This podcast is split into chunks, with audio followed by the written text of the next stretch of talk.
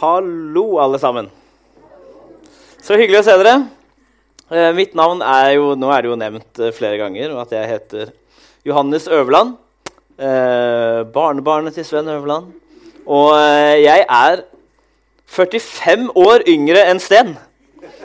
Har jeg funnet ut av nå. Så hvis du tenker at jeg ser veldig ung ut, så er det helt riktig. Jeg er 25 år gammel.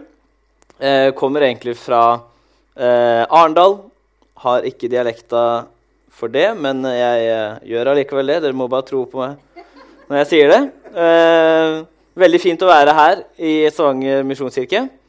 Jeg har sovet på scenen i gamle Stavanger misjonskirke med, når jeg sang her Ansgar bibelskole en gang.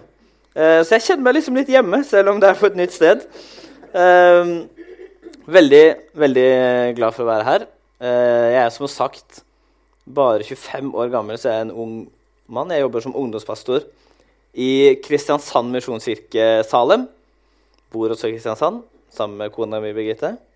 Eh, vi gifta oss i sommer, så vi eh, er jo veldig nyforelska og nygifte, og det er jo fantastisk. Og um, jeg er vant til å snakke for ungdom, og, så det, det kan hende at jeg snakker litt fort. Og jeg snakker jo ikke, altså jeg skarrer ikke, f.eks. Så det kan hende at det er litt vanskelig for dere. Uh, og en gang, altså Første gangen jeg talte i Arendal misjonskirke, som jeg vokste opp i, da var jeg 18 år gammel. Da sto jeg og talte i russebukse. Det var en utrolig raus menighet. Det skjønner dere jo når jeg sier det.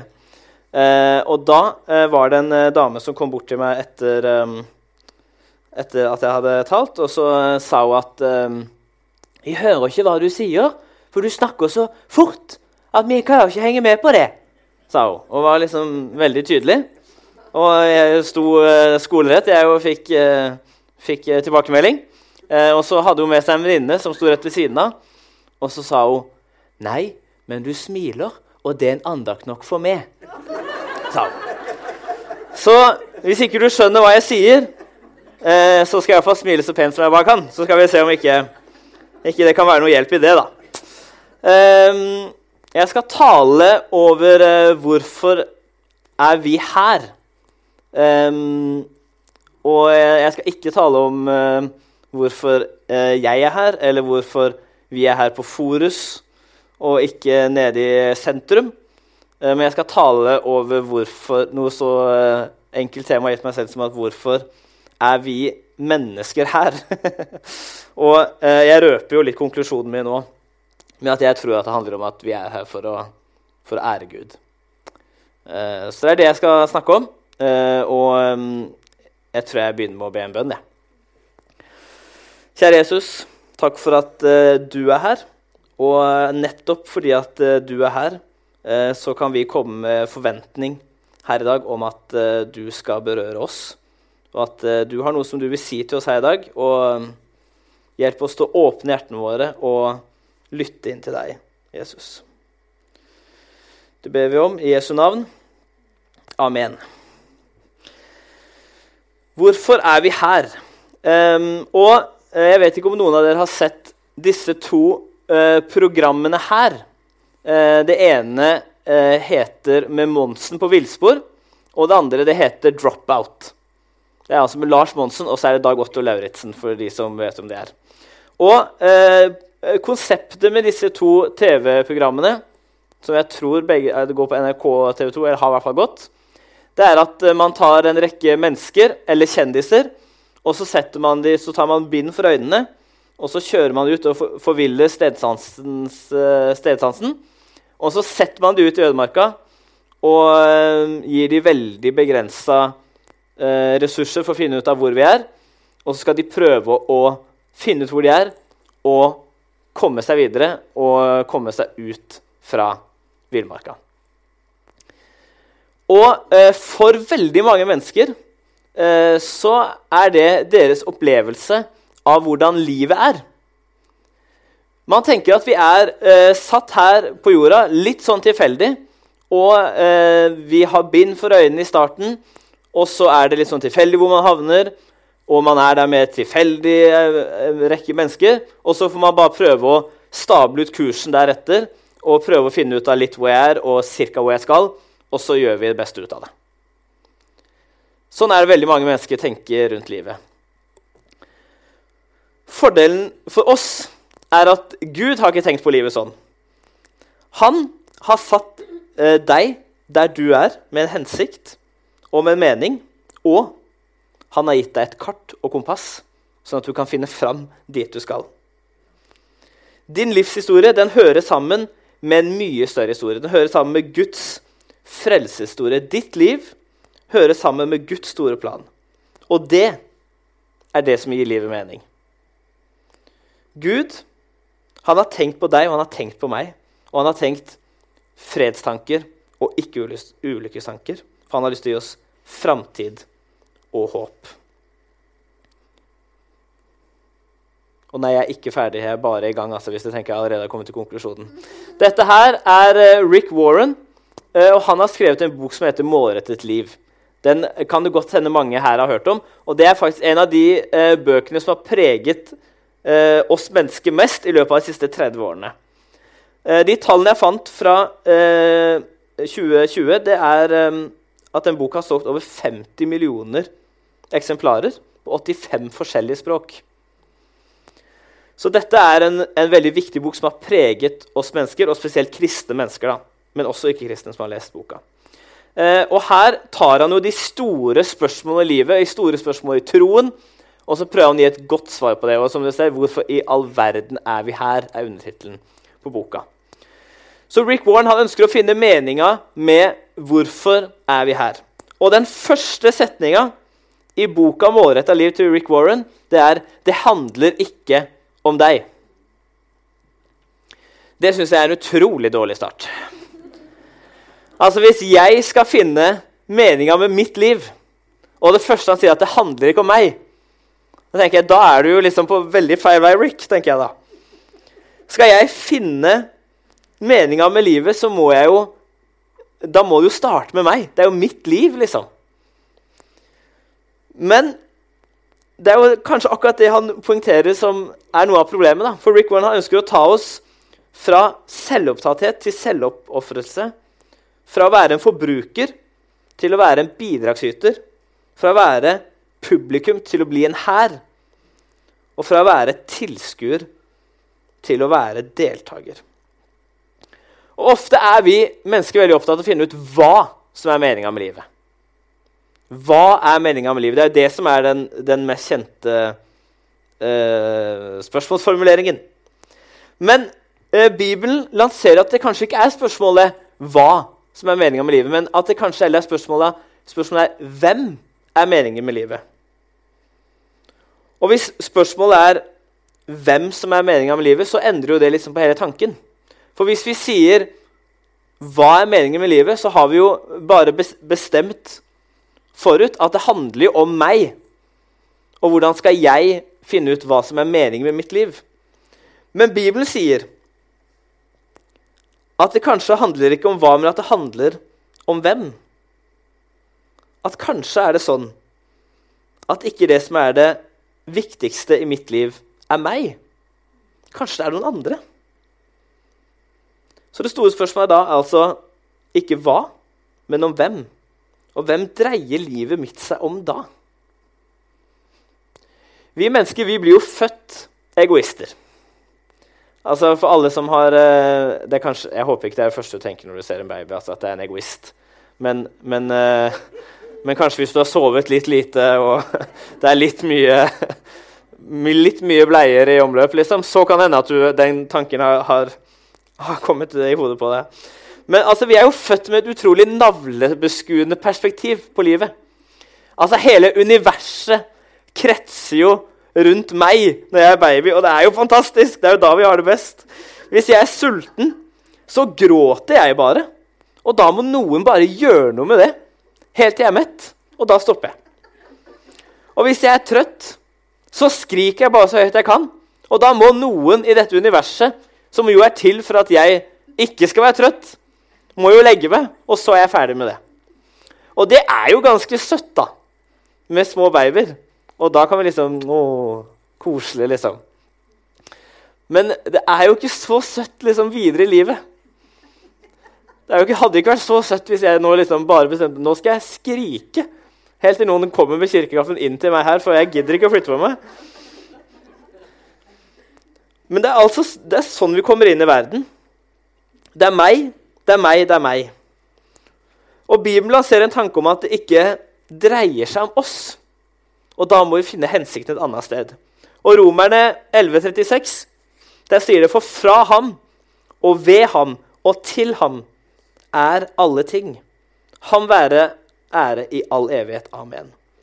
Vi er født til og fra Jesus Kristus. Jeg vet ikke bare hvor jeg kommer fra, men jeg vet hvem jeg kommer fra. Og jeg vet også hvem jeg skal til. Og jeg vet også hvem jeg skal gi ære i all evighet. Mennesket er jo kjent under flere eh, navn. Nå skal jeg late som at jeg er litt smartere enn jeg egentlig er. Vi er mest kjent som Homo sapiens. Det har vi kanskje hørt på skolen alle sammen. Og Det betyr altså det tenkende mennesket. Vi er også kjent som Homo rectus, og det er det oppreiste mennesket. Altså et gudvendt vesen. Homo laber, det betyr at man er et skapende menneske. Dette er liksom betegnelser på oss mennesker. Kanskje noen har vært borti dere, dere, ser mye smartere ut enn meg, alle sammen her, så dere har sikkert hørt dette før. Men en, et annet kjent navn som vi mennesker er kjent under, det er noe som heter homo aderans. Og det betyr det tilbedende mennesket. Det sier noe om at det faktisk ligger i vår natur at vi ønsker å tilbe. Vi er et tilbedende vesen. Vi, så det vil si at vi har, eller Min påstand er at vi har både evne til, men også behovet for og ønske om å tilbe og beundre noe. Og det tror jeg er eh, noe som er gitt oss av Gud. Og hva er å tilbe? Å tilbe det er jo å rette oppmerksomheten og hengivenheten mot noe eller noen. Og kristen tilbedelse må jo da handle om å rette den oppmerksomheten og hengivenheten mot Gud og det han har gjort for oss gjennom Jesus Kristus. I boken eh, 'Gud jakten' som er skrevet av den uh, uh, svenske teologen og forfatteren uh, Joel Halldorf, så um, skriver han, altså Joel Halldorf om nettopp dette. Han ser på det svenske folk, som er et av de mest sekulære folkene i hele verden. Mer, faktisk mer sekulære enn oss nordmenn. Um, og han finner i dette sekulære samfunnet så finner han homo aderans. Han finner at den sekulære svensken også er et tilbedende menneske. De har bare vendt seg bort fra Gud og tilber noe annet. Det er altså ikke noe valg å tilbe og si at jeg, jeg tilber ikke. Det er noe til og med de mest sekulære menneskene gjør. Spørsmålet er heller hvem man tilber, eller hva vi tilber, og hvordan vi skal gjøre det. Og Han eh, poengterer at de religiøse instinktene i menneskene er veldig intakte. Og Han eh, sammenligner det med eh, fotballag, f.eks. Jeg vet ikke om det er noen som er veldig interessert i fotball, men da, da, står man jo sammen og synger. Det er fellesskap, og, og der er en slags tilbedelse. Kjendiser er en form for tilbedelse og hengivenhet. Men også eh, så sammenligner han kjøpesentrene med eh, de gamle katedralene. Hvor du, du, kommer inn i et bygg som legger fram på bordet og tilbyr deg et bedre liv. Kjøp dette her, så blir du lykkelig. Det var eh, ca. det den katolske kirke også sa eh, langt tilbake i tid. Og, så han sier at tilbedelse er ikke noe alternativ. Det er noe som bare ligger så i oss at enten du vet det eller ikke, så tilbyr du, så tilbyr du noe eller noen. Og han skriver, eh, som jeg ser at jeg har fått opp, så dere har sniktitta på manuset mitt. Han skriver videre her at sjelen er som et speil. Det vi vender oss mot i tilbedelse, gjenspeiles i hvem vi blir. Det er interessant. I andre Mosebok, når Moses er oppe på fjellet så, eh, og skal få eh, disse steintavlene, de ti bud, så syns israelfolket at han er fryktelig lenge borte. Eh, og eh, de syns kanskje at når Moses er borte, altså katten, så kan musene danse litt på bordet. Og de syns kanskje at denne Israels gud begynner å være litt kjedelig. Og de bestemmer seg for at vi eh, Nå merker jeg at jeg jobber med ungdom med måten Jodmi tenker, men vi lager noen litt kulere guder som vi kan se på. Som, kan, som er laga av gull, og som ligner på en kalv, f.eks. Det er mye gøyere, for den kan vi liksom se, og så kan vi ta på den, og så kan vi gå rundt den og sånn. Og Moses får en ganske tydelig beskjed fra, fra Gud at du skal ikke ha andre guder enn meg. Du skal ikke ha noen andre guder enn meg. Og her er alltid jeg syns at Gud jeg synes han har vært litt sånn litt egoistisk. Er det lov å si det når man taler i Stavanger misjonskirke? At man syns Gud er litt egoistisk? Men det er, det, altså, det er i hvert fall ærlig med det. Det er det jeg har tenkt. At jeg syns det er litt egoistisk å si at du skal ikke ha noen andre guder enn meg. Og så eh, kan det hende at du er enig med meg i det, da, men kan hende at du har kommet litt lenger i helliggjørelse enn meg og, har, eh, og ikke har tenkt det noen gang. Men jeg tenker at for det første så skjønner jo Gud at hvis ikke, hvis ikke jeg skal ha all æren, altså hvis ikke Gud skal ha all æren, hvem i all verden skal ha den da? Det er jo bare Gud som er verdig all vår tilbedelse. Det tenker jeg er et veldig viktig poeng her. Nå snakker jeg, argumenterer jeg for Gud. Men er det også sånn da, at Gud som har skapt oss, og som kjenner oss, og som vet så veldig godt våre svakheter, og hva vi kan og hva vi ikke kan, er det sånn at han vet dette, at det vi tilber, det blir vi? Og at han ser at hvis vi tilber noe annet enn han, så blir vi også andre typer mennesker enn Gud har, har tenkt at vi skulle bli. Kan det være noe der? Jeg tror at hvis vi har andre guder, så gjør det oss til andre mennesker. Og jeg tror at det gjør oss til noen type mennesker som kanskje ikke vi har lyst til å være. Kanskje, som i hvert fall ikke jeg har lyst til å være da.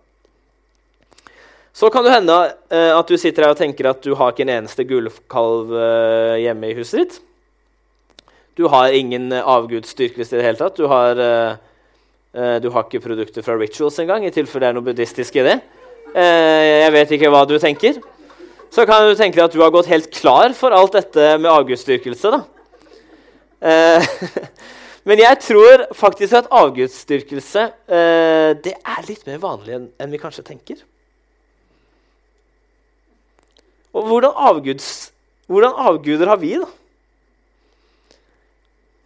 Jeg tenker kanskje at den største avguden Og hvis jeg skal se veldig avslørende med avslørende blikk på mitt eget liv, så tror jeg kanskje at en av de største avgudene som vi har i Norge i dag, det er egoisme og individualisme.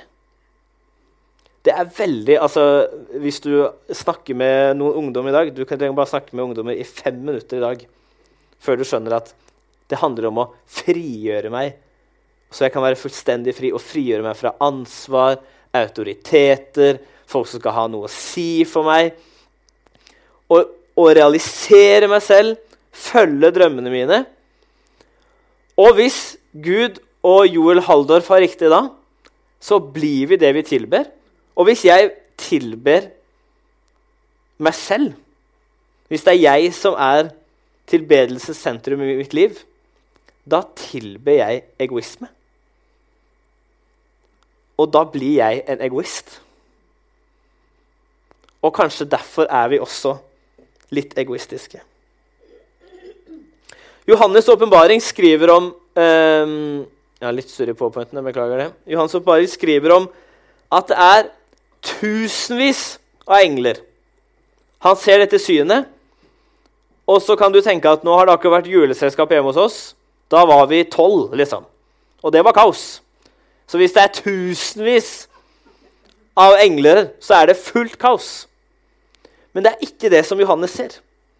Han ser at det er tusenvis av engler, og de sentreres rundt lammet. De sentreres rundt Jesus Kristus. Og alle sammen sier at det er lammet som er verdig. Det er ikke noe, er ikke noe tvil når de er der og ser Jesus, at det finnes ikke noe annet som er verdig at mitt liv skal sentreres rundt. Det er bare Jesus Kristus. Og Bibelen forteller oss ikke veldig mye om djevelens opphav, men vi vet at det var akkurat dette djevelen ikke ville. Han ville ikke at livet sitt skulle dreie seg rundt Gud, og at Gud skulle liksom bestemme. Han ville at han selv skulle være Gud. Og helt siden da så har det vært djevelens oppdrag til mennesker. Det er å pirke borti det der. At har Gud virkelig sagt det? Har Gud virkelig sagt det? Skal, han, er, skal, han, skal du ikke ha noen andre guder enn han, liksom? Er det ikke lov liksom å ha en liten sånn sidegud, på en måte? Det er jo ditt liv. Du bestemmer jo selv. Det er jo dine penger. Du har tjent dem sjøl. Det er jo dine talenter. Du kan jo gjøre hva du vil med dine talenter. Det er ikke Gud som har sørga for at uh, er så, de er så gode til å synge her. liksom. De kan jo bare gjøre hva de vil med det. Og jeg tror Jeg, jeg utfordrer litt i dag, altså, men det er jo fordelen med gjestetale. Da kan du bare utfordre, så kan du bare stikke etterpå. Men jeg tror at dette er kanskje et av de eh, punktene i livet vårt hvor djevelen har fått størst innflytelse uten at vi har fulgt med engang. Tror kanskje ikke vi har fulgt med i timen. Hvor han sier at ja, ja. Gud, altså, ja, ja, han maser og maser, men det er ditt liv, liksom. Gjør som du vil. Jeg kan avsløre at jeg er ikke i tvil om at det beste for ditt liv og for mitt liv er hvis det, hele livet sentreres rundt Jesus Kristus.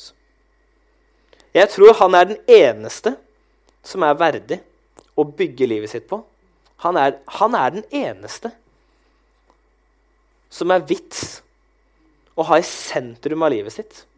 Og han er det eneste du kan sette i sentrum av livet ditt, som ikke kommer til å skuffe deg. Fotballaget ditt kommer til å skuffe deg. Jeg, jeg heier på IK Start. hvis det, det som følger med. Altså, fotballaget ditt kommer til å skuffe deg. Penger kommer til å skuffe deg. Og Trust me.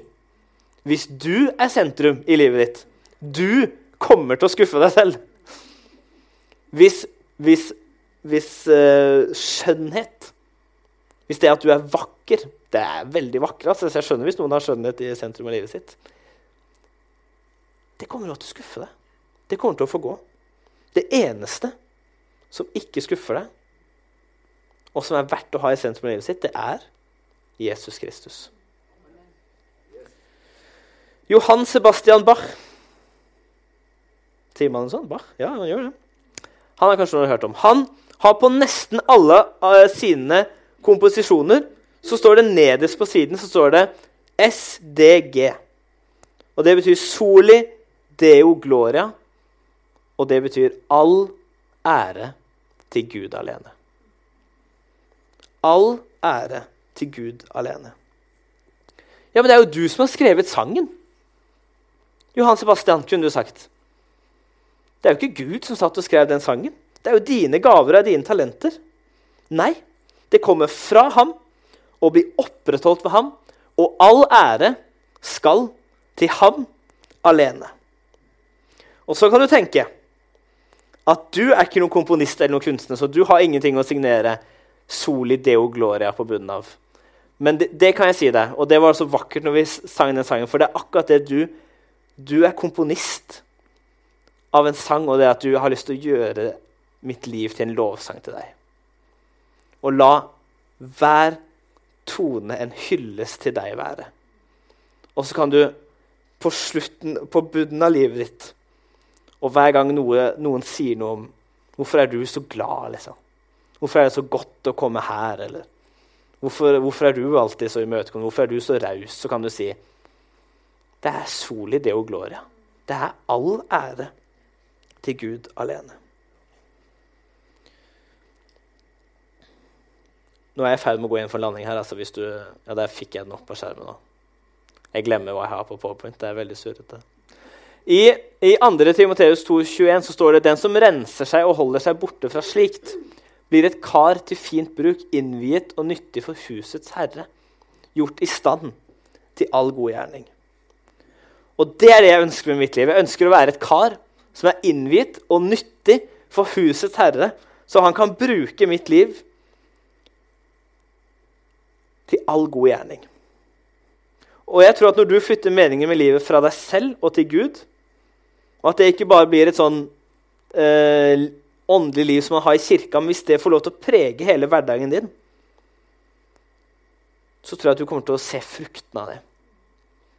Og jeg pleier å si til ungdommene mine De er jo ikke så smarte som dere er. Men jeg pleier å si at hvis du ser på livet ditt som en pizza Det er ikke sikkert du har gjort før.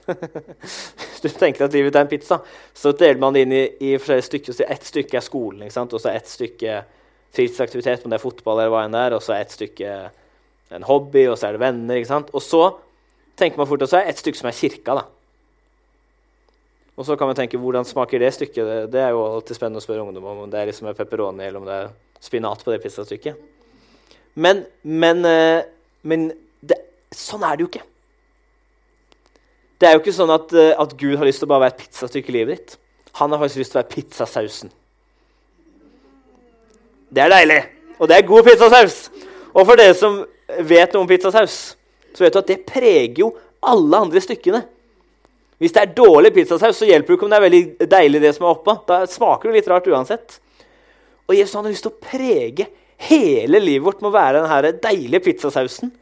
Som preger hvordan man er på skolen, som preger hvordan man er på jobb, og som preger hvordan man er eh, med familien. Og jeg tror at han lengter etter det, og jeg tror bare han trenger en sånn liten invitasjon og bare Jeg har lyst til å ha deg i sentrum av livet mitt, Jesus. Hvis man bare sier det, så tror jeg han er beinklar altså, for å, for å være med å prege resten av livet ditt. Så tilbedelsens hjem, det er Jesus Kristus. Og enten du vet det eller ikke, så tilber du noe. Og min anbefaling for deg det er at nå vet du at du tilber, og du burde tilbe Jesus Kristus. Det er der tilbedelsen hører hjemme. Og Det er derfor vi samles her i dag. Det er derfor dere er her søndag etter søndag. Det er ikke uh, bare for at det er fin musikk og hyggelige folk og gode kaker. Men her kan vi komme og så kan vi rekalibrere hjertene våre. For det, det vet vi at vi trenger. Det er, ting, det, er lett for meg å stå og si at Jesus er sentrum av livet mitt, og så kommer eh, som du snakker om, Når man kommer hjem fra Hawaii, så kommer liksom hverdagens kjas og mas og alt man skal gjøre. Og vi, jeg, jeg må, Nå må jeg snakke i jeg-form. Jeg trenger hjelp. Jeg trenger å komme sammen med andre mennesker som sier Kom an! Husk!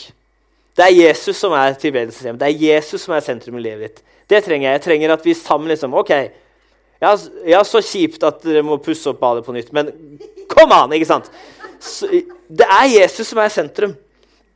Og hvis Gud og Joel Haldorf, som uttaler seg sammen her i, mitt, i min tale i dag, da, har riktig at man blir det man tilber, så tror jeg at hvis du har lyst til å bli den beste utgaven av deg selv, som Dag Otto Lauritzen sier, som vi hadde framme her veldig ofte, beste utgaven av deg selv, så tror jeg at det blir du bare hvis man tilber Gud. Og hvis vi tilber Gud, da kan vi ligne Gud. Og så kan man tenke ja, tilber Gud, da blir vi liksom veldig sånn da blir det veldig sånn, ikke åpent for folk som ikke har hørt om Gud. og sånn, Men Gud er altså ikke innadvendt. Gud er ekstremt utadvendt. Og hans kjærlighet Hvis vi har Jesus i sentrum i livene våre, og så kan vi begynne å ligne mer på han, så kan vi begynne å, å spre ut det gode som er. Og folk kan få lov til å, få lov til å se mennesker med Guds øyne og få se mennesker i Guds lys. Og hvis ikke det preger livet vårt, og hvis ikke det gjør livet spennende, da vet ikke jeg, altså. Da vet ikke jeg.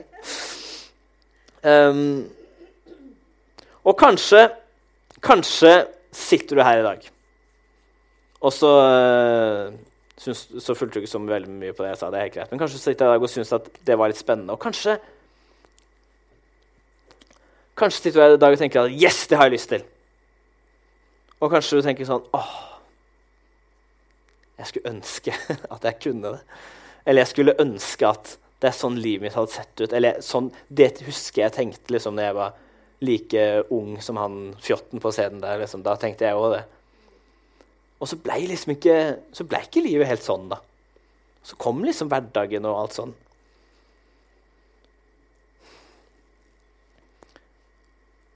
Men det gjør ikke noe. For det er aldri for sent. Og liksom I Jeremia står det at Gud liksom gjorde om på dette karet. Han kan gjøre om på oss. Hvis vi bare sier at vet du hva? Ok, det ble ikke sånn. Skulle, å, hvert år tenker jeg sånn, så blir det aldri sånn. Så ikke gi opp for det om.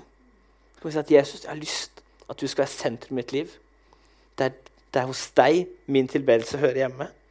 Og deg alene. Og det, det er du som er hensikten med mitt liv. Så er det aldri for seint å komme og si det. altså. Og jeg tror at hvis du, hvis du bare hadde hatt det sånn i én dag, så hadde du sett hvilken enorm forskjell det kunne gjøre i våre liv. Så Jesus Kristus han er den eneste som er verdig å sentrere livet sitt og henvende seg til i tilbedelse, oppmerksomhet og hengivenhet. Og du kan få lov til å gjøre ditt liv til en lovsang til Han.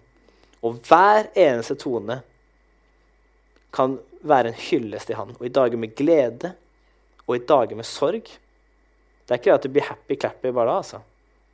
Men i dager med glede og i dager med sorg så vil jeg leve hver dag til din ære. Vi ber. Kjære Jesus. Takk. Takk for at vi ikke bare er satt her uten mål og mening, for at vi er satt her med en mening. Og at vi kan få lov til å kjenne deg som er meningen med livet. Og at vi kan få lov til å bli kjent med deg som er universets sentrum og som er, som er lammet som, som er oppe i himmelen og blir tilbedt, og som er det eneste som er verdig å bygge livet vårt rundt Jesus. Takk for at vi kan få lov til å kjenne deg.